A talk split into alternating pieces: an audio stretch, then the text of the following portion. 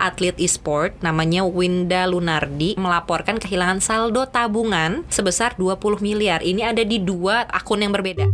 LPS itu menjamin dana nasabah DPK itu sampai 2 miliar. Mm-mm. Itu ya memang ketika bank yang bersangkutan terkena risiko operasi. Hmm. Misalnya apa? Tutup, Mm. pilot Mm-mm. karena krisis gitu ya. Mm-mm. Tetapi memang kalau dananya hilang karena dicuri, karena Mm. dikorupsi, Penipuan gitu kan. penipuan itu memang nggak bisa kemudian kita nagih LPS untuk membayarkan itu. Regulasinya memang begitu sudah ada tanda tangan atau ada Mm. verifikasi dari yang empunya tabungan atau rekening itu Ya. kan artinya memang apa pun yang ada di tulisan itu bisa diproses kan Mas, Yes. dan sudah Mm. disetujui. Mm-mm. Betul. Nah, apakah ini juga kita bisa lihat kejadian juga di kasus Maybank saat Koneksi. Konten Ekonomi Seksi Halo Sobat Cuan, udah hari Rabu lagi ya. Di tengah pekan ini Ini adalah waktunya koneksi konten ekonomi seksi. Dan kali ini kalau biasanya kita trio bersama dengan Head of Research Mas Argun masih ada di sini? Mas Masih ada di sini. Mm-mm. Dan biasanya adalah uh, lead peliputan CNBC Indonesia. Ya Kali ini kita dengan bos kami. Bos kami. Bos itu dengan ini ya uh, Wapemret CNBC TV Indonesia dengan siapa anda boleh dijelaskan nama bapak saya bos? Pangeran Punce. Sobat Cuan. yang semua orang pasti sudah mengenal. gitu ya sobat cuan ya ada di layar kaca CNBC TV dan juga beliau ini adalah bos kami gitu ya di CNBC TV Indonesia sobat cuan jadi begitulah ada dua orang ini termaksud ada Alin juga nih temennya sobat cuan yang selalu menemani sobat cuan untuk kita sama-sama belajar tentang ekonomi, investasi, bisnis dan sebagainya ya. Nah, koneksi ini seperti judulnya ya, konten ekonomi seksi di minggu ini dari minggu kemarin sih sebenarnya. Yang paling seksi dibahas ini mengenai penipuan eh, atau kasus gitu ya penggelapan dana sih ya bisa dibilang ya atau hilangnya dana nasabah di Maybank Indonesia. Dan ini ada beberapa sobat cuan yang minta untuk Min ayo dong jelasin ceritain dikoneksi dibahas ya gitu. Ditunggu ya Min gitu ya. Salah satunya dari Santi.555 Terus kemudian juga ada Dian, ada Iqbal, ada Fetty, ada William, ada Eric, banyak deh pokoknya yang minta pencerahan atas kasus ini. Nasabahnya aja kurang jelas ya, kurang cerah gitu tentang Iya. kasus ini. Tapi gue kasih kronologinya dulu aja lah ya. Ini seperti yang mungkin sobat cuan pernah eh, dengar gitu ya. Ada eh, nasabah Maybank Indonesia. Ini adalah atlet e-sport namanya Winda Lunardi dan ibunya gitu ya melaporkan kehilangan saldo tabungan sebesar 20 miliar. Ini ada di dua eh, akun yang berbeda. Jadi 15 miliar itu di akunnya Winda dan 5 miliarnya lagi di akun ibunya gitu. Namanya Floleta gitu. Ini udah berapa tahun lah ya mereka punya ini dari tahun 2015 gitu. Dari jadi udah lima tahun dari tahun 2015 si Winda dan ibunya ini menabung gitu ya. Eh, selama ini selalu dapat rekening koran gitu. Jumlahnya masih oke masih cocok gitu. Tiba-tiba di Februari 2020 itu ketika mereka mau tarik tunai gitu ya Winda dan eh, ibunya ini pertama sih di rekening ibunya gitu. Kaget karena ternyata dari 5 miliar jadi tinggal 16 juta. Ngecek lah nih si Winda wah rekening gue apa kabar nih gitu kan. Dari 15 miliar tinggal 600 ribu rupiah saja ternyata gitu kan nah dituntutlah ini. Ternyata dituntut tuh dari Februari dan kasusnya memang baru hangat eh, minggu lalu ya baru kayak terblow up gitu.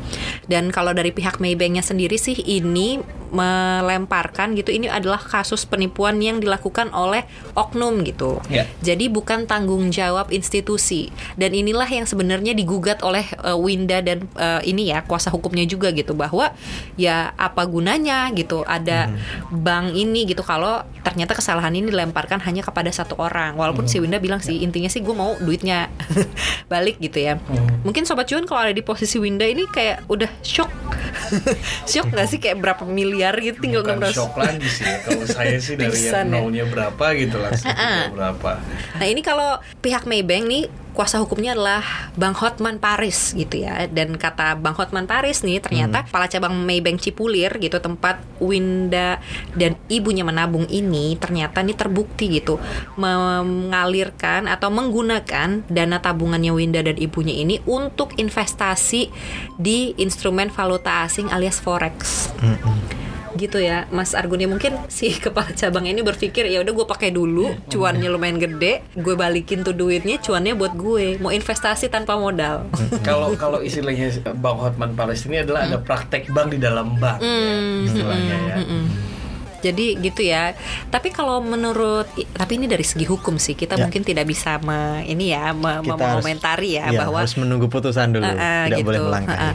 Tapi kalau kita lihat-lihat ya beberapa tahun ini banyak ya kasus-kasus penipuan eh, nasabah gitu oleh bank yang dilakukan kebanyakan sih internal banknya gitu. Mas Argun dan Mas Punce. Hmm. Ini kalau kita lihat berarti tuh nabung di bank tuh ini ya tidak bisa 100% aman ya jadi apa sih jadi bikin kita tuh jadi nggak percaya gitu? Kan selama ini kan digaungkan kayak ayo nabung di bank jangan ditaruh di bawah tempat tidur yang di bawah kasur di bawah bantal gitu. Tapi ketika begini ada kasus seperti ini gitu dan beberapa kali terulang ya nggak cuma bank swasta gitu Betul. bahkan bank BUMN pun ada gitu. Ya. gimana tanggapannya Mas Argun nih Oke, kalau ngomongin risiko ya memang semua ada risiko. Bahkan kita ny- naruh uang kita di bantal juga ada risiko kan. eh ternyata bantalnya mungkin Kebanjiran. keba- kebanjiran, kebakar atau bagaimana. semua risiko pasti ada. Jadi emang nggak ada yang 100% bebas risiko. Tetapi kalau bicara tentang eh, gradasi risikonya memang bank dalam hal ini kalau kita bicara investasi deposito itu lebih kecil sebenarnya dibandingkan dengan aset-aset lainnya gitu. Eh, kalau bicara penjaminan LPS itu kan menjamin hanya 2 miliar. Betul. Hmm, Di bingung lah dia itu- nih ya 20 miliar duitnya Ya, ini 20 miliar. Jadi LPS sudah Angkat tangan ya? Angkat tangan, jadi tidak ngurusi gitu ya. Heeh. Eh, tapi kalau memang ada eh, upaya untuk penggunaan dana nasabah tanpa izin bank, Mm-mm. ya ini memang sudah kategorinya fraud dan semestinya pihak bank tersebut bisa mencegah hal ini terjadi gitu. dengan sistemnya gitu ya sedemikian rupa Iya. harusnya gitu ya Jadi bank ini kan eh, industri yang paling eh, well regulated gitu. Aturannya Most banyak sekali. industri ya di dunia ya. Betul di dunia. Bahkan kalau ngomongin deposito aja tadi kan modusnya adalah deposito ya di sini. Itu ada aturannya sendiri di, di OJK gitu. Eh, eh, peraturannya tuh misalnya peraturan OJK nomor 10 Mm-mm. itu tentang penerbitan sertifikat deposito oleh bank. Mm-mm. Nah, seke- saya sebenarnya agak bingung ketika ada istilah rekening koran gitu. Mm-mm. Karena kalau rekening koran itu itu biasanya dipakai buat tabungan tabungan. Betul. ya. Mm-mm. Nah, makanya kalau deposito mungkin yang dimaksud sertifikat deposito ini gitu ya. Mm-mm. Nah, dan memang sertifikat deposito ini udah diatur tadi itu di peraturan OJK nomor 10 Mm-mm. atau OJK tahun 2015 itu udah rigid, dia lebih mengatur soal scriptless Hmm. tanpa warkat, tanpa tanpa catatan print gitu ya. oh jadi dikirimnya via email gitu tuh oh. Itu sudah bisa dilakukan gitu. Hmm. Jadi kalau bicara soal apakah deposito bisa saya pantau sehingga tidak terjadi kejadian ya ini Hmm. Seperti tadi ini 20 gitu miliar, ya. Hmm. sebenarnya bisa. Harusnya bisa. ya. harus bisa karena bank-bank yang menerbitkan deposito Hmm. itu diwajibkan untuk memberikan laporan ini Mm-mm. itu eh, bahkan ketika saya baca peraturannya nih di pasal eh, 10 misalnya kalau bank menerbitkan sertifikat deposito dalam bentuk eh, scriptless tanpa warkat istilahnya tanpa rekening gitu eh, tanpa apa print out sorry itu wajib mencatat memantau pencatatan perubahan kepemilikan dan itu memang sudah di- ditekankan memang harus ada kalau enggak maka nasabah berhak mempertanyakan gitu Eh, bank tidak boleh mengelak gitu jadi ya sebenarnya kalau nasabahnya sendiri mengerti apa deposito dan apa hak dan kewajiban dia ketika berinvestasi di deposito,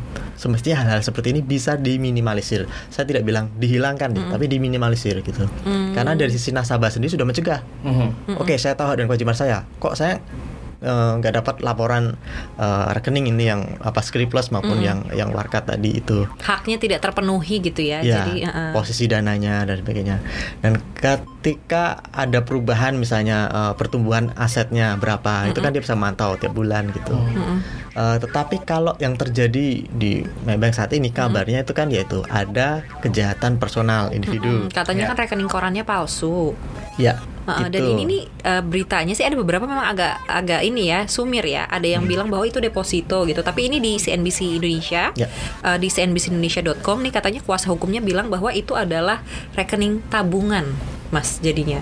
Nah. Jadi bukan deposito dan ini lebih ini lagi lebih mengkhawatirkan dan lebih dan dan itu dua produk yang berbeda gitu Ah, ah. kan. sangat berbeda. Nah, dan, dan deposito itu aja udah produknya berbeda gitu. Mm-mm, mm-mm. Ya, saya khawatirnya ada ini ke kes- kesumiran ini mengindikasikan bahwa bahkan mungkin nasabahnya sendiri tidak mengerti dia Produk sebenarnya apa sedang gitu yang ya, dia sedang menaruh uangnya dalam bentuk produk apa di perbankan. Oke. Dan ini mungkin jangan-jangan itu juga terjadi di benak semua orang gitu, nggak cuman eh, mohon maaf korban ini gitu ya. Mungkin kita sendiri juga kalau didatangi orang bank, eh, kita udah lagi bawa duit 5 miliar mungkin, Iya. entah dari mana ya. Terus kita mau bawa gitu bawa berat kayaknya ya. Berapa tas ya Sekarang gitu ya. lima miliar? Nah kemudian orang bank ini eh, taruhlah pegawai bank Hmm. itu yang yang yang menemui kita dia menawarkan daripada 5 miliar ditaruh Di di tabungan biasa. Taruh di deposito aja keuntungannya segini atau ditaruh di produk B apa namanya produk tabungan C, apa produk B gitu ya tabungan berjangka atau apa gitu ya kan Heeh. mungkin kita akan tergiur Mm-mm. taruhlah misalnya si oknum ini bilang kalau anda taruh di produk ini Hmm. eh, nanti saya akan membantu anda dan nanti keuntungannya bisa lebih tinggi gitu Mhm. Mungkin kita nggak ngerti kita mikirnya ini orang bank saya lagi di bank gitu. Iya. seharusnya berarti produk saya ini produk perbankan. Mhm. padahal ya belum tentu juga. Anda harus mengerti dulu produk perbankan itu apa. Mm-mm. Mm. tabungan deposito giro ya kan? Eh, tapi kalau mau produk yang hybrid ya misalnya bank kadang bekerja sama dengan manajemen investasi. Mhm. ya dan itu dia udah jelas kontraknya dia akan menunjukkan kontrak-kontrak ini apa namanya perjanjiannya kalau misalnya itu ditawarkan ke anda. Unit link yang sering kita lihat ya Iya. eh, bank asuransi itu kan sekarang mm, marak gitu untuk penjualan asuransi itu bisa bisa aja. Dan kalau kita nggak ngerti jangan-jangan ya sudah ngikut aja. Ketika dibilang ini produk mirip bank assurance mirip unit link tapi nanti ya keuntungannya lebih tinggi. Percaya sama saya saja gitu. Mm. Nah, ini harus diwaspadai. Ketika ya tuh selalu saya tekankan, ketika ada tawaran yang terlalu menggiurkan, too good to be true dalam investasi apa pun, Anda harus hati-hati gitu. Mm. Karena Itu yang selalu di dalam sejarahnya tidak pernah ya uang tumbuh dari pohon itu kan nggak pernah nggak segampang itu menghasilkan keuntungan gitu. Jadi kalau mau mendapatkan keuntungan tinggi harus tahu risikonya pasti tinggi. Betul. Tidak Harris high mungkin. return ya istilahnya Iya. ya. Betul, tidak mungkin kita naruh di bank keuntungannya jauh lebih tinggi dibandingkan pasar modal saham misalnya setahun itu uh, hampir pasti tidak mungkin. Kalaupun terjadi jangan-jangan nanti kita bicara soal kasus seperti Jiwasraya, saving plan seperti itu. Mhm. Nah itu itu dulu yang harus dipahami. Anda harus ngerti dulu produk perbankan apa saja yang ditawarkan oknum ini meskipun di, di dalam ruangan bank itu harus benar-benar produk yang diizinkan gitu ya oleh OJK untuk ditawarkan di bank. Kalau ada tawaran produk yang di luar itu, ya tadi tuh janji keuntungan lebih tinggi, nanti diurusin sama dia, dan kita hanya dapat laporan print out saja gitu, tanpa Jangan kita tahu percaya. perjanjiannya, ya itu saya pikir udah terindikasi fraud. Pastinya dengan dana 20 miliar atau 15 miliar, Anda harus hati-hati. Kalau mau naruh dana di mana pun, nggak cuma di bank, di perusahaan MI misalnya atau di apa pun itu, pastikan eh, perjanjiannya seperti apa gitu. Itu yang jadi pedoman. Mm. Jadi tidak ada cerita tiba-tiba, waduh, ini produknya setahu saya tabungan, eh, tapi ya bisa jadi serti, serti- apa sertifikat deposito. Nah ini kan Itu sebenarnya hal ini juga dua jenis instrumen Yang berbeda. investasi yang berbeda gitu ya ya. itu tidak mungkin pertanyaan itu ada ketika perjanjiannya udah kita pegang gitu. Gitu. Nah jangan-jangan ini tidak ada perjanjiannya, pihak kepala kantor cabang c- sudah sudah dalam tanda kutip eh, terindikasi fraud. Di sisi lain ya nasabahnya juga tidak mengantisipasi itu gitu. Me- bisa dikatakan memberi peluang gitu ya. Iya. Eh, yaitu kesempatan-kesempatan eh, fraud-fraud itu terjadi karena eh, ketidakpedulian bisa dikatakan hanya karena dia percaya bahwa oh ya nanti akan dijanjikan segini gitu ya tapi produknya Dia taruh apa aja gitu. ketentuannya apa syarat dan ketentuannya juga dia nggak peduli gitu sehingga akhirnya eh, fraud ini bisa peluangnya lebih besar terjadi gitu ya Mm-mm, mm-mm.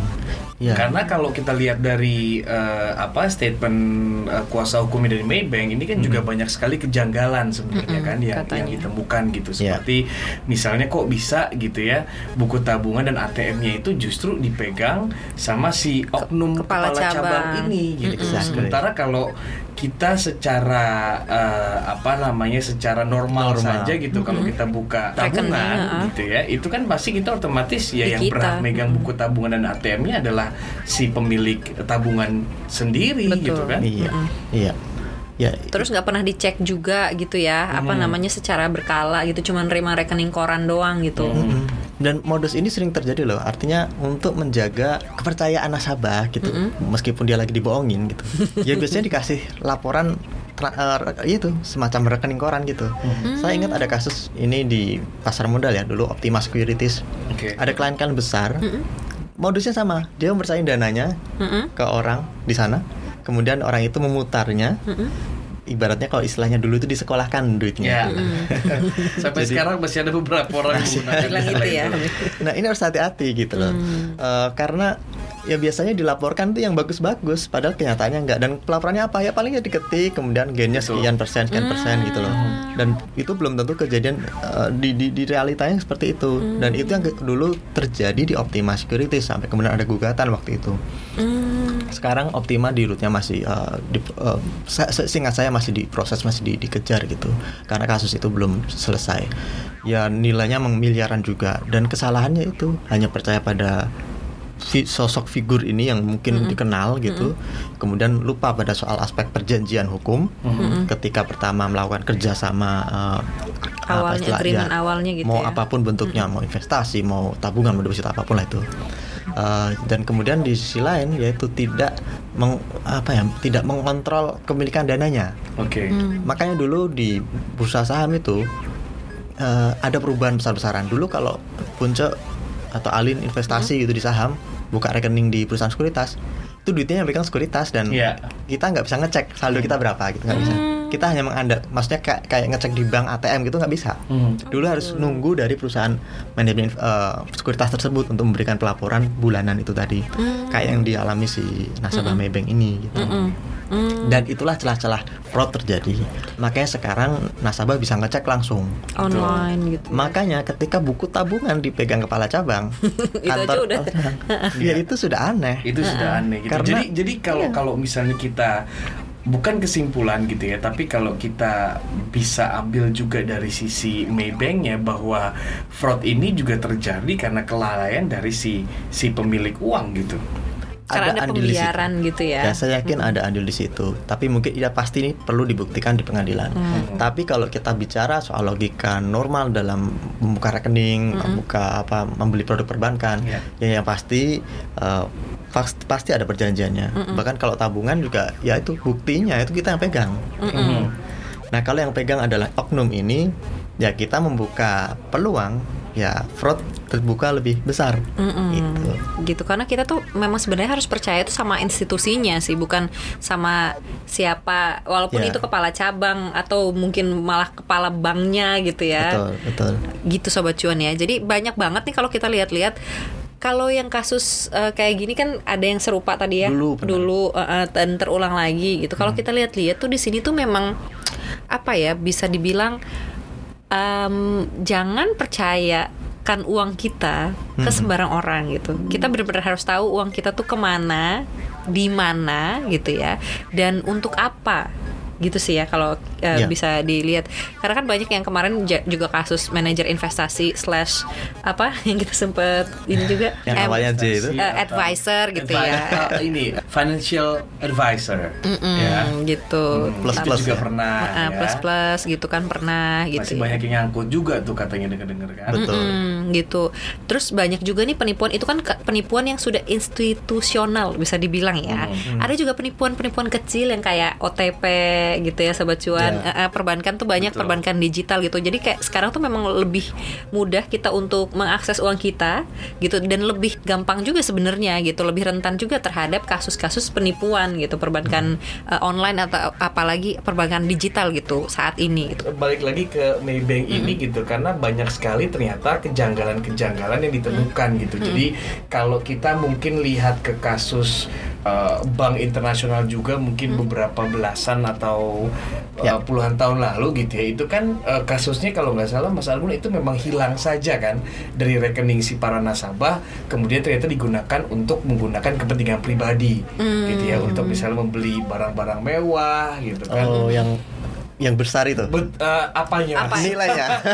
Nilainya besar, banknya, betul. inisial banknya boleh. Bahkan untuk untuk eh, memperbesar nilainya itu katanya digunakan oh uangnya gitu, gitu, untuk kan. si banknya sendiri ternyata. Iya gitu. Nah kalau ini kan katanya juga banyak ternyata uangnya itu dibelikan lagi ke produk lain gitu ya. Terus kemudian ditransfer balik lagi Mm-mm. dengan angka yang lebih tinggi lagi gitu. Dan ternyata ditransfernya pun juga masih ke eh, rekening keluarganya sendiri gitu. Jadi makanya istilah ada bank di dalam bank ini Itu kayak yang gini disebut gitu ya. eh, kuasa hukumnya. kuasa hukumnya itu Ya. gitu. Itu ya memang akhirnya ada sistemik ya. Kalau kalau kalau kalau gue ngelihatnya sendiri sih. Ya. I- Kesamaannya dengan kasus yang Bang Angsing tadi itu, yang Bang itu. apa sih boleh pakai inisial nggak gitu? Soalnya kan mungkin sobat cuan kan masih belum lahir gitu kan ya kayak Alin gitu kan nggak tahu ini apa sih gitu. Eh, apa Obrolan ya? bapak-bapak ini katakan belasan tahun lalu tuh kan. Iya, iya, Saya masih SD.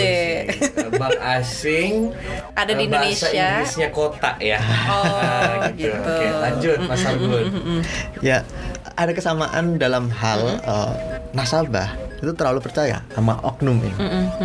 Nah, dulu bank ini yang bank asing ini juga sama banknya itu tidak tahu kalau ada pelanggaran gitu. Mm. Dan pelanggaran ini dilakukan si oknum dan bahkan ketika tanda tangan perjanjian itu si bapak-bapak klien ini nggak tahu kenapa mungkin sudah tersihir atau Terhipnotis, bagaimana ya. Terhipnotis gitu. itu tanda tangannya sudah di punggung aja udah tanpa dia membaca apa yang dia tandangi Oh. tanda tangani dan bahkan kol- kolom-kolom isiannya itu masih belum diisi Kosong. Oke. jadi si oknum bilang sudahlah pak nanti saya yang ngisi saya yang bantu gitu Oh. tanda tangan Beres, aja Pak, pokoknya gitu beres ya. jadi ya itu eh, si nasabah terlalu percaya. Atau mungkin terlalu tertarik kalau kasus itu itu ya.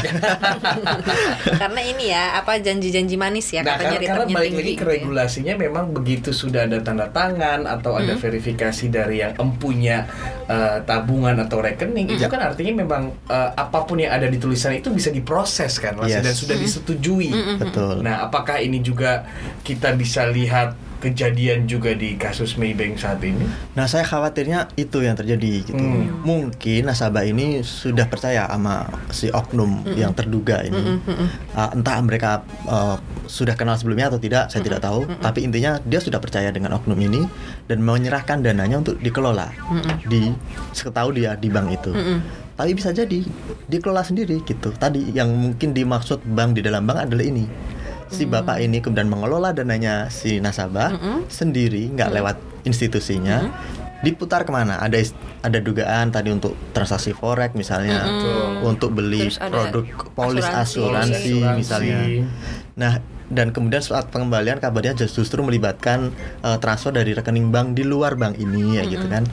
Jadi kalau Anda adalah nasabah Maybank misalnya yang sekarang lagi dibicarakan kemudian dapat pengembalian apalah keuntungan atau apa masuk ke rekening Anda tapi transfernya dari bank lain. Itu jelas-jelas tanya. sangat-sangat visi gitu ya. Karena ini produk perbankan yang disediakan Maybank kenapa apa ya untuk transfer dan transaksinya Dari pakai bank bank lain, lain. gitu. Itu yang harusnya diwaspadai. Saya khawatir kita semua secara umum yaitu sudah terlalu percaya sama institusi perbankan tapi lupa pada satu hal bahwa ada oknum-oknum di situ yang bisa berbuat nakal yang seperti kejadian di bank-bank asing dulu itu. Hmm. Banknya memang bagus eh, standarnya, regulasinya, kemudian prosedurnya. Tetapi oknum ini bisa me- me- apa menyiasati itu semua dan itu bisa berjalan kalau kita terlalu mempercayakan dana kita ke oknum ini. Seperti Alin bilang tadi, kita harusnya percaya ke bank bukan ke oknum gitu. Bahkan misalkan kakak kita kerja di bank A misalnya dan kita mau naruh dana di bank tersebut ya tetap harus perlu kita perlu apa namanya bukti perjanjian dari awal kalau itu memang mau produk investasi atau deposito juga kita harus mendapatkan sertifikatnya Iya. kayak gitu. Karena kalau ada apa-apa kita nggak bisa berdalih kakak saya. Nggak bisa. Siapa kakak sertifikat bos. Sertifikat yang penting. Iya, iya, iya, gitu. dan inilah yang sekarang sedang dipertanyakan gitu. Sebenarnya kayak gimana sih gitu. Kalau misalnya memang dopis- dep- deposito harusnya ada sertifikatnya sejak awal. Jadi eh, memang ada istil ada apa bilangnya hangus atau bagaimana tuh ya emang enggak agak aneh gitu. Kok sertifikat bisa hangus kayak makanya kalau kata Pak siapa tuh Pak dirutnya BCA. Hmm, Pak Pak Yahya. Pak Yahya Atmaja. Kok bisa hangus lah emangnya? Emang ikan goreng. Gitu ya. itu kan sempat rame diberitakan. Ya memang deposito seperti itu. Jadi kalau udah ada sertifikatnya udah jelas berapa bulan ya memang eh, saat itu kalau mau dicairkan ya sudah. Ya, Gitu. ya Nggak- sesuai dengan tenornya, Tenornya saja balik itu. lagi di perjanjian awal kan? Betul. karena ya itu tenor itu akan mempengaruhi juga jumlah bunga yang didapat oleh si nasabah. Ya. Mm-mm, betul. Dan biasanya kan otomatis kalau misalnya sudah selesai gitu ya perjanjian tenornya itu biasanya balik lagi kan ke rekening tabungan gitu. Eh, ka- ada yang sekarang sih otomatis kayak gitu mas. Mungkin kalau dulu bisa harus dicairin gitu ya kayaknya itu- mas langsung bingung tuh se- selama di bank yang sama selama ya. di bank yang sama kayak gitu Ya. kalau deposito zaman sekarang mas Argun Oh, begitu rupanya Mas. Aku masih zaman belasan yang tahun tahun yang lalu soalnya kayaknya. gitu ya sobat cuan jadi harus tahu banget nih apa jenis jenis produk yang kita pakai atau yang kita beli atau yang kita gunakan gitu lah ya, ibaratnya ya. Dan apa aja gitu klausulnya di dalamnya itu gitu. Eh, apa kewajiban kita apa hak kita gitu. Dan ini kan memang ada yang si A ngomong ini si B ngomong itu gitu ya, masih belum inilah masih belum terkuak gitu ya Iya, tabirnya pasti gitu. apa. ibaratnya si kasus Maybank ini. Tapi yang pasti yang harus dilakukan sama sobat cuan adalah yaitu kenali lu tuh beli apa, lu tuh Betul. investasi di mana gitu ya. produknya apa gitu ya. Ya. terus itu syarat dan ketentuannya apa gitu ya. Karena kan kalau deposito kan ada ada syarat yang harus dipenuhi tenornya. Misalnya misalnya setahun dua tahun tiga tahun baru misalnya bisa kita cairkan gitu ya. Atau kalau memang tiba-tiba belum eh, sesuai dengan tenor ya kena penalti gitu dan itu Ya. pun juga harus dibaca tuh berapa besar penaltinya gitu kan memang dari awal sobat cuan pada saat memilih produk tertentu produk investasi atau tabungan ya memang harus dibaca dengan baik-baik ya Betul. By the way Mas, itu kan eh, yang LPS tadi ya. LPS itu kan maksimum 2M katanya ya. Tapi ini aku baca eh, katanya LPS tuh tidak eh, maksudnya berlepas tangan dari sini ini karena fraudnya bukan di banknya tapi dari personal gitu. Gimana sih memangnya eh, eh, apa aja yang dijamin sama LPS gitu besarannya kan tadi 2M gitu. Apa-apa lagi sih info terkait kewajibannya LPS gitulah kepada kita nasabah bank kalau kita misalnya gitu ya dirugikan oleh pihak bank gitu. Ya, LPS itu menjamin dana nasabah DPK itu sampai 2 miliar. Itu ya memang ketika bank yang bersangkutan itu bank terkena risiko operasi. Hmm. Misalnya apa? Tutup, pilot karena krisis gitu ya. Nah, itu dijamin sama eh, LPS. Tetapi memang kalau dananya hilang karena dicuri, karena dikorupsi, penipuan gitu kan penipuan itu memang itu sudah tidak di apa ya nggak bisa kemudian kita lagi LPS untuk membayarkan itu Oke, gitu bukan kita hanya bisa dijamin ya Iya. lembaga penjaminan soal Iya. simpanan kan Iya, bukan lembaga apa pemberi Ganti rugi. ganti rugi, pemberi ganti rugi gitu. Oh gitu ya sobat cuan ya. Jadi kalau di LPS tuh kalau banknya udah bangkrut gitu atau banknya kolaps gitu dan itu juga banknya yang mengajukan atau kita bisa masing-masing sih mas? Oh itu pasti otomatis. Jadi kalau emang banknya ditutup, LPS sudah nyiapin dananya langsung dan kita nggak perlu ngajuin khusus ke surat ke LPS atau bagaimana nggak. Tapi nanti dari rekening kita yang ada di bank itu, misalnya bank itu kemudian dilikuidasi dan eh, rekeningnya dialihkan ke bank lain, Oke. ya nanti di rekening itu kita. tapi yang kadang suka suka repot itu juga mas pada saat misalnya di saat total aset bank yang uh, bangkrut atau kolaps ini ternyata tidak bisa memenuhi dari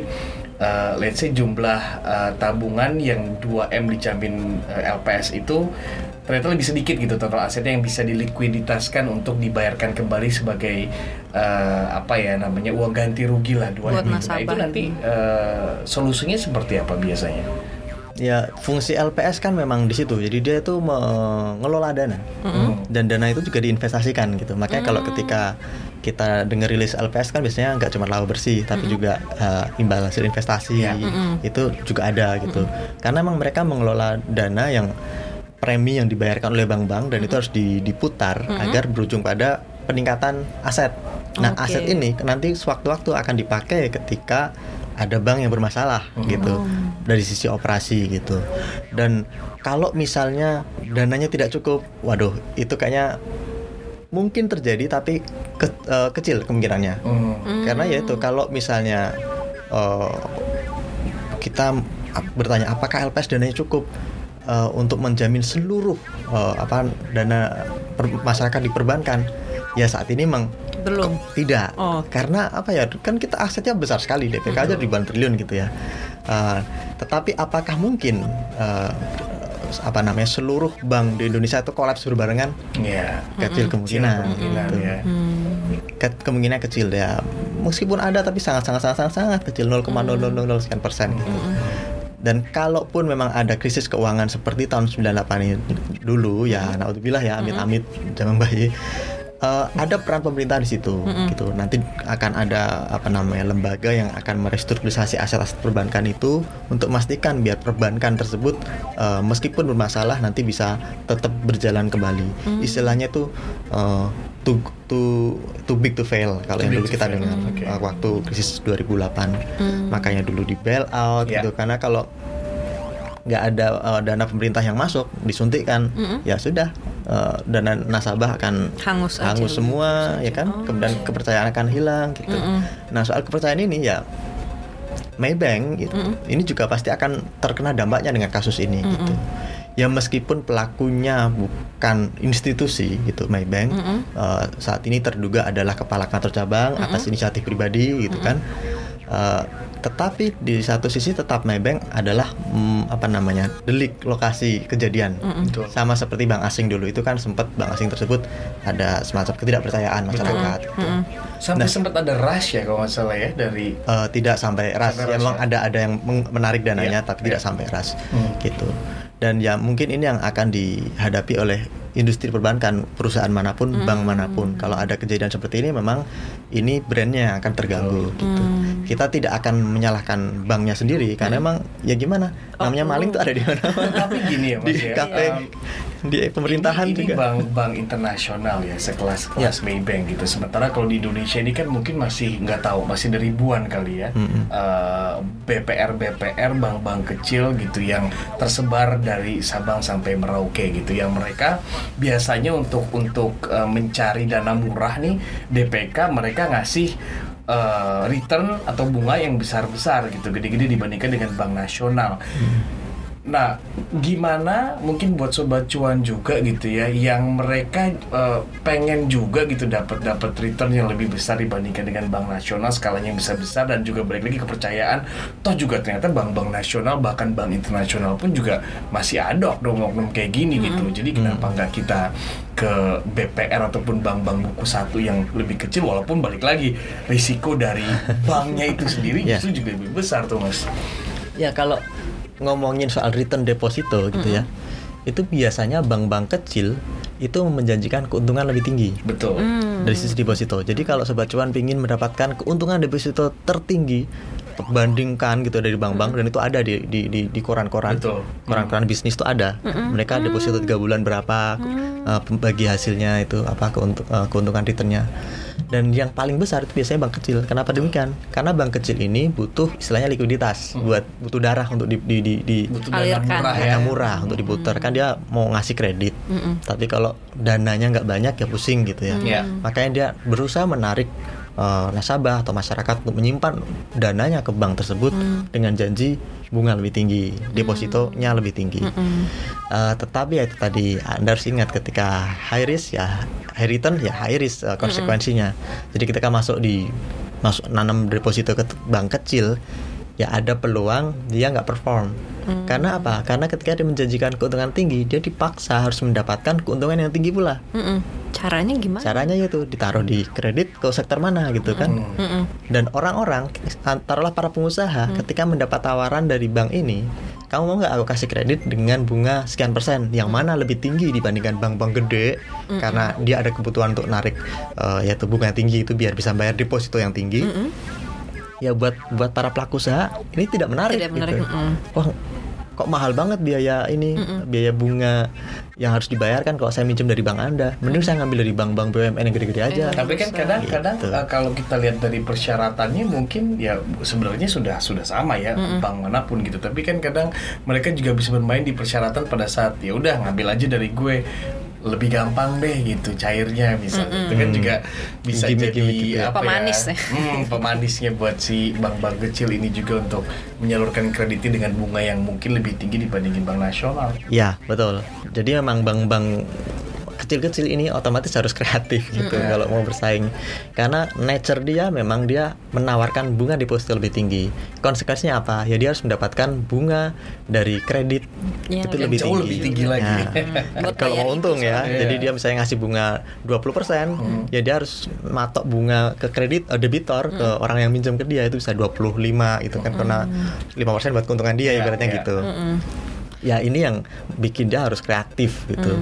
Tapi ya kalau kita bicara nature-nya, industri perbankan sekarang ini kan eh, yang asetnya besar, modalnya besar itu kan ada di buku 4, buku 3 dan itu memang sedikit. Buku 4 aja 8 bank. ya Sementara buku 3 eh, ada 15. Ini yang bank konvensional ya, non syariah dan non BPD. Sementara bank buku 3, eh, buku 2 dan buku 1 itu jumlahnya 27. Hmm. Jadi lebih banyak gitu. Jadi bank-bank kecil ini tidak bisa berkembang gitu. Karena kalau asumsinya bisnis di bank kecil itu bisa tumbuh lebih cepat, harusnya industri perbankan kita yaitu bank kecilnya makin tipis dong, makin sedikit tuh. Karena yang Karena kecil udah udah pada gede-gede naik gitu. kelas semua kan gitu. Iya. Tapi buktinya enggak. Enggak. Ya enggak naik kelas, tetap tinggal kelas itu di Situ-situ buku aja. satu, buku dua. Jadi ini yang realitanya seperti itu. Sobat cuan harus perhatiin, jangan tergiur deposito. Bunga tinggi saja di bank yang kecil, tapi ya risikonya ada. Bank Saya nggak bilang bank kecil sih? pasti jelek, enggak, Oh, juga. bank buku tuh apa gitu? Mungkin sobat cuan bingung, apa sih ini bank buku satu, dua, tiga, empat, Oh iya, apa iya, gitu. benar. Setahu gue ya buku tabungan gitu. Sih bank. Kali nanti dijumlahin silakan Coba Mas Ardi. Iya iya. Eh, jadi eh, OJK itu bikin kategorisasi bank berdasarkan modal intinya. Jadi modalnya semakin besar semakin bagus. Hmm. Nah itu dibagi jadi empat. Ada bank buku satu, dua, tiga, empat. Nah yang paling bagus tuh bank buku empat. Hmm, oke. Nah bank buku empat tuh apa? Itu bank yang modal intinya eh, di atas 30 triliun. Oke. Eh, yang paling gede apa misalnya BRI modal intinya udah hampir 200 triliun ya 190-an gitu. Nah, bank buku 3 itu modalnya antara 3 triliun sampai eh, 5 triliun sampai 30 triliun itu Mm-mm. tadi. Jadi pertengahan. Nah, di bawahnya lagi ada yang modal intinya 1 sampai 3 triliun dan yang paling kecil kastanya modalnya di bawah 1 triliun dan sekarang cuman ada catatan kami cuman juga ada cuman ada tiga bank. Oh, cuma ada tiga bank. Itu bank daerah ya rata-rata atau? Bukan, ini ini bank konvensional non BPD dan non syariah gitu. Iya. Oh. Jadi ya kalau tiga ini ya beberapa udah diakuisisi gitu. Oh, sama Karena lagi tren juga tuh. Lagi tren kemudian ya. diubah jadi bank digital. digital. biasanya gitu Oh. Karena kan masih murah kan harga harga banknya gitu. Karena asetnya kecil, modalnya kecil gitu. Hmm, gitu. Tapi gini, kasus ini kalau saya melihatnya akhirnya balik lagi banyak sekali menerpa sektor keuangan kita ya, gitu loh. Jadi kalau ngomongin lebih luas lagi, nggak cuma perbankan gitu, tapi sektor keuangan tuh di belakangan ini tuh lagi bener-bener kena banyak masalah gitu, sehingga akhirnya kita lihat banyak eh, masyarakat pun juga yang sekarang tidak punya apa ya tidak punya alternatif lain nih gitu loh. Lembaga atau sektor mana yang akhirnya saya percaya untuk menginvestasikan duit saya atau untuk untuk menyimpan Mm-mm. uang saya gitu. Dan dan dan dan kasus Maybank ini juga akhirnya menambah dan memperburuk kalau menurut saya sektor keuangan kita gitu ya yang yang lagi banyak cobaan gitu di masa pandemi ini Iya. Dan sebenarnya kalau kita mau lihat-lihat lagi itu ya kasus yang serupa nggak cuma di Maybank sebenarnya. Ada bank BUMN yang ke- eh, oknumnya di sana juga menawarkan berbagai janji yang janji manis, manis ya. gitu. Tapi tidak sobat cuan ya sama janji, janji dan mulut-mulut manis. Iya, Bukan iya. cuma percintaan ya, tapi keuangan juga harus hati-hati nih kalau Nggak- cuma cowok ini. Ya jadi oknum, eh, oknum yang di bank BUMN ini sama modusnya dia memberikan janji, ayo buka tabungan nanti dapat hadiah A B C D E gitu. Tapi kemudian nggak didapat itu Mhm. hadiahnya Mhm. dan malah rugi gitu dan sekarang mereka lagi menuntut dananya juga artinya memang Maybank tidak sendiri kalau kita bicara soal fraud personal perorangan dan ini juga nggak sendirian juga di Indonesia di negara lain juga ada kasus-kasus seperti ini dan biasanya mereka dilakukan oleh orang yang memiliki kewenangan Pasti. ya kewenangan untuk ya punya akses jadinya gitu ya. ya, Heeh. ya. dan inilah yang harusnya uh, semakin diperketat oleh uh, pelaku industri perbankan sendiri Hmm. gitu. Uh, Tapi kan sebenarnya- regulasinya udah sangat ketat nih. Sudah sangat ketat. Mas, gitu loh. Most Ba- regulated uh, industry gitu ya. Berarti sebenarnya walaupun sudah regulasi banyak masih banyak sekali celah yang bisa dilakukan dong. mungkin celahnya sedikit, tapi orang yang bisa melihat celah itu Banyak. ada. Karena maling selalu lebih pinter gitu ya. Iya, iya betul betul. Itu Sama aja kayak hacker tuh ya katanya gitu ya, mau kita pakai antivirus Yuk, atau iya. apa gitu ya, mereka udah Bisa 10 gitu, langkah lebih maju tuh biasanya. Mm, mm, mm. Jadi kayak sekarang perbankan itu kan uh, udah nggak ada outsource di perbankan itu. Udah Iya, dilarang. dihapuskan ya. Heeh, karena kalau bukan soal apa-apa ya, karena kalau outsource berarti kan ada oknum personalia yang tidak punya ikatan Hmm, di di di di bank di, itu. di bank itu gitu. Jadi ketika dia melakukan eh, ya apalah atau kesalahan gitu ya. atau men- mencuri data dalam tanda kutip, ya itu sangat berulang terjadi dan itu dia akan udah ke mana-mana, udah susah dilacak. Makanya udah nggak boleh lagi outsource di perbankan. Ini salah satu cara untuk menekan risiko tersebut gitu. Ya memang tidak 100% pasti sempurna di semua industri ya. Nah untuk menutup ketidaksempurnaan itu, ya kita nasabah harus yang membentengi lagi sendiri. tuh Leo. Ke diri kita sendiri dulu. Hmm, jadi benteng paling kuatnya gitu ya pertahanan di awalnya itu ya di kita gitu ya nggak sih Mm-mm. sebagai nasabah gitu Ya, sobat cuan. karena ini dana dana Anda sendiri gitu. Ya ketika Anda mempercayakan dana Anda ke orang, ya tidak butuh kepercayaan doang ya. Maksudnya kayak tadi Punca bilang kan ada ada game yang terkenal tuh. Kejahatan terjadi karena ada kesempatan Iya. gitu ya. Nah, kesempatan itu terbuka ketika Anda ya meskipun Anda percaya tapi Anda tidak mengecek atau tidak memantau atau mengawasi ya, pengelolaan dana Anda. Dan ya ini memberikan buku tabungan ke dia. Ini kesalahan besar kalau memang benar terjadi. Buku tabungan dan ATM loh katanya. Kesalahan ATM sangat besar, Dikasih, ya. itu harusnya sudah hati-hati gitu. Hmm. Sepercaya anda, apa pun anda ke orang tersebut gitu, selalu masih ada kesempatan. Apalagi kalau kelihat ngelibatkan uang miliaran Iya, gitu. siapa ini yang nggak uang hijau? gitu. ini uang Gitu. Yang tidak peduli ras, agama, suku, Betul. Karena semua orang menginginkannya uang, tuh- Uang gitu. tuh nggak nggak ada keluarga dan nggak ada temen kata Iya. istilahnya. Itu dia. Heeh. Tidak mengenal siapa pun ya uang itu ya sobat cuan ya jadi gitu harus kitanya yang memang ibaratnya gini ya uang uang lu gitu ya. Ya lu harus tahu gitu lu harus repot memang Memang gitu. agak ya agak repot dan PR pada saat kita membaca misalnya eh, lembaran-lembaran eh, untuk si ketentuan-ketentuan pada saat kita mau ini ya. Cuma ya memang di situ akhirnya kita harus apa ya mendingan repot baca kan Daripada belakangannya. kita apa namanya eh, telaah satu-satu ketimbang repot cari duit kita yang udah hilang gitu loh. Iya. benar gitu. Karena ini kan produk keuangan gitu ya, bukan produk yang ya apa kayak pisang goreng yang bisa kita lihat, kita cicipin gitu. Produk keuangan itu berarti nanti kita berharap ada return pastinya gitu ya. Nah, ya ini sesuai dengan horizon investasi, makanya disebut bahwa time is money gitu. Karena apa? Karena kalau Anda menaruh dana Anda ke orang dan orang itu mem- memiliki waktu untuk mengembangkannya, ya itu akan menjadi money pada akhirnya yang Anda beli itu dia gitu. Bisnis eh, kepercayaan Anda mempercayakan dana Anda untuk dikelola dalam waktu tertentu oleh orang tersebut. Nah, untuk memastikan kepercayaan itu dipatuhi, ya jangan kayak orang pacaran. I love you saja sudah kita cukup. jalanin aja dulu sih. gitu Jangan. itu lain jangan. harus ada hitam di atas putih Hitam di atas putih harus sudah kayak orang menikah gitu. Jadi pastiin bahwa perjanjiannya jelas, hak dan kewajibannya jelas.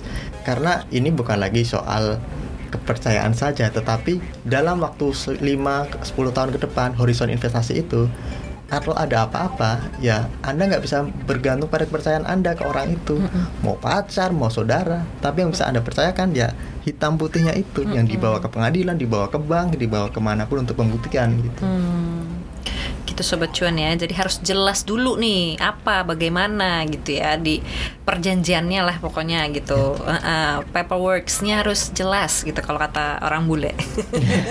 Apalagi nih yang mungkin bisa jadi summarize kita Uh, kalau dari gue sih ya itu harus harus teliti lagi ya gitu loh pada saat karena kan kita pada saat membeli produk investasi ataupun kita menitipkan uang kita ke sebuah lembaga gitu ya ya kan kita Mas Argun tadi bilang tidak hanya modal kepercayaan karena ini untuk masa depan kita juga gitu loh. Jadi memang sebaiknya teliti dulu gitu kemudian dibaca satu-satu mendingan PR kalau kata anak zaman sekarang di awal dibandingin nanti PR-nya belakangan gitu. Nanti kalau udah jelas, kalau ada yang gak jelas tanyakan ke pihak banknya gitu ataupun tanyakan ke siapa pun itu gitu. Nanti kalau sudah jelas semua baru kita tanda tangan. Jadi pada saat kita nitipin uh, uang untuk dikelola lagi sama orang lain itu juga kita lebih tenang. Itu sih kalau dari gue. Mm-mm, harus gitu ya. Pokoknya teliti, teliti, teliti. Dan kalau pesannya Mas Argun nih di banyak-banyak episode koneksi ya kalau misalnya sobat cuan sering dengerin ya, jangan percaya sesuatu yang too good to be true. Gitu sobat cuan. Harus skeptis sedikit gitu ya. gitu. Apalagi masalah apa janji return tinggi gitu ya. Dapat bunga investasi yang lebih besar gini gini gini jangan, percaya. Jangan, jangan. Makan balik lagi. Mulut manis.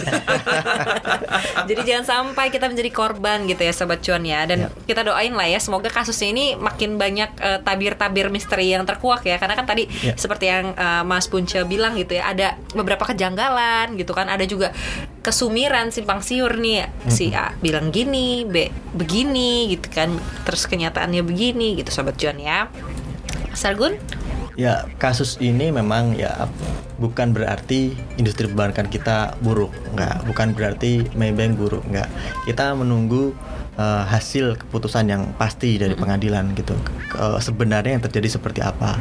Tapi kalau kita mau mengambil hikmahnya, ya memang dari sisi perbankan sendiri ini jadi pelajaran gitu. Bahwa bisa loh fraud terjadi oleh ya nih kalau kasus ini kepala kantor cabang ke depan seperti apa? Nah perbankan harus semakin memperkuat pengawasan internalnya. Buat nasabah sendiri kita juga harus belajar gitu. Karena sekuat apa pun uh, perbaikan yang dilakukan oleh perbankan tapi kalau kita mentalitasnya masih kayak beli pisang goreng tadi itu asal ngasih duit asal percaya. asal percaya dan kita males tadi baca itu. Padahal itulah intinya investasi ataupun uh, produk keuangan ya intinya itu di klausul gitu. Kalau anda mau dapat untung untungnya berapa syaratnya apa ya di klausul. Itu harus dibaca. Sebagai nasabah kita juga harus aware dan jangan hanya mau enaknya sendiri. Ketika dapat tinggi diem. Tapi ketika ada rugi baru rugi, protes. protes dan ternyata dianya sendiri eh, ngiranya beli produk A padahal yang diputar produk B dan ya mungkin ada pelanggaran dan sebagainya. Hmm, gitu sobat cuan ya, gitu aja deh eh, perbincangan kita gitu sambil kita tunggu perkembangan kasus ini gitu. Em, tadi udah banyak ya, lumayan banyak gitu tugasnya LPS apa, bank buku tuh gimana gitu kan, apa yang harus kita perhatikan. Pokoknya semoga informasi-informasi yang kita obrolin di koneksi konten ekonomi seksi di pekan ini ya bisa membuka cakrawala ilmu pengetahuan sobat cuan ya. Kita ketemu lagi di koneksi minggu depan. Saya Alin. Saya Argun. Dan saya Punce. Kita pamit. Dah. Ah.